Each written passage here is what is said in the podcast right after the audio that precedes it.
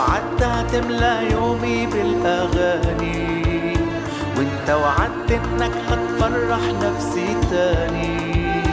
انت وعدت هتملى يومي بالأغاني وانت وعدت إنك هتفرح نفسي تاني.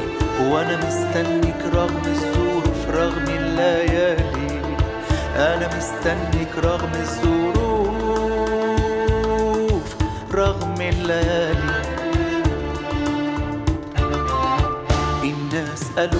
إزاي هتصدق واقع تاني يمكن يحصل يمكن لا يمكن تعاني. الناس قالوا لي إزاي هتصدق واقع تاني يمكن يحصل يمكن لا يمكن تعاني. لكني سامع صوت في قلبي ما لكياني صوت واضح أقوى من أي واقع تاني. لكني سامع صوت قلبي ما لكياني صوت واضح أقوى من أي واقع تاني. هو اللي بيدعي الغير موجود وكأنه أمامي. هو اللي بيدعي الغير موجود وكأنه أمامي.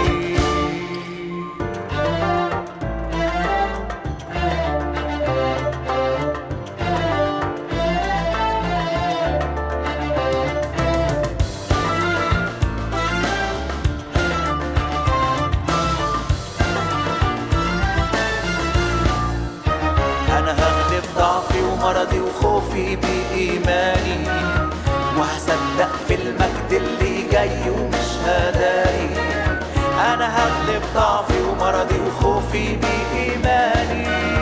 وهصدق في المجد اللي جاي ومش هداري هشهد عنه واهتف لاسمه في كل أحوالي. ولأنه معايا فجري جاي بالأغاني. هشهد عنه واهتف لاسمه في كل أحوالي ولأنه معايا فجري جاي بالأغاني ولأنه معايا الخير والرحمة يتبعاني ولأنه معايا الخير والرحمة يتبعاني أنا مستنيك رغم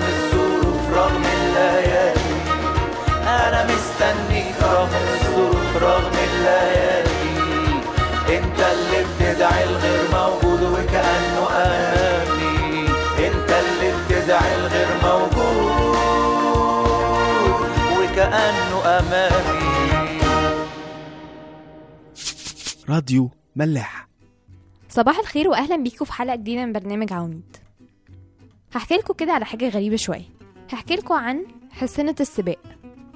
أبطال حصنه السباق. أو الحصانه الأبطال يعني منهم. دول اللي بتشوفوهم بيجروا في السباقات ويبقى في حد فوقيهم عمال آه، بيقودهم يعني بس بس هما كلهم صراع وشكلهم وهمي وشكلهم كده بيبقى محمس قوي. الحصانه دول بيكسبوا صحابهم فلوس كتيرة قوي. لأن هما بيدخلوا سباقات ورهانات وحاجات كتيرة كده هما بيعملوا من وراهم فلوس كتيرة قوي. بس عشان خاطر تربي حصان من دول بتصرف مئات الألاف الدولارات عليه. من أول لما بتشتري الحصان بتحاول تشتري حصان من سلالة معينة. وحتى من قبل ما يتولد انت بتدور على الحصان ده مامته مين وباباه مين ومش عارفة إيه والسلالة بتاعته كلها عاملة إزاي. ممكن يرجعوا لحد جده وجدته وجد جده وجد جدته لحد ما يتأكدوا إن الحصان ده السلالة بتاعته من الأول خالص سلالة نادرة وسلالة حصنة السبق. الراجل وهو بيشتري الحصان ده أو بيفكر ينفست فلوسه ويستثمر فلوسه في حصان زي ده بيبقى مش هيستثمرها في أي حصان وخلاص. بيبقى متأكد إن الحصان اللي بيشتريه ده الدي ان اي بتاعه دي ان اي بطل. وهو ده اللي بيفرق الحصان عن أي حصان تاني. بعد ما الراجل اللي ناوي يشتري الحصان ده بيعمل كل الأبحاث دي والحصان بيتولد بيبقى مولود رجليه ضعيفة جدا زيه زي أي بيبي أو زيه زي أي طفل وشكله من بره زي أي حصان عادي بيتولد ما بنلوش حتى لسه شكل. صاحب الحصان ممكن يبتدي يفكر إيه ده؟ ده أنا ضيعت فلوسي بص بص المنظر بتاع الحصان ده عامل إزاي؟ بس في الواقع محدش بيفكر كده. لأن محدش فارق معاه شكله من بره دلوقتي عامل إزاي. أو عضلاته دلوقتي قوية ولا لأ. لأن هم واثقين إن جوه الحصان ده دم البطل وسلالته سلالة بطل. إيه علاقة كل الكلام اللي أنا عمالة ارغي بيه عن الحصانة ده؟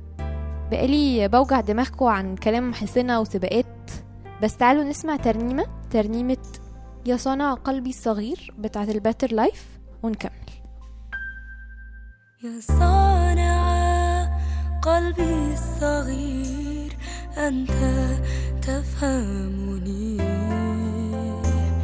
وتعرف أيا قدير ماذا يشغلني. لذلك إن جزت وسط وادي ظل سأثق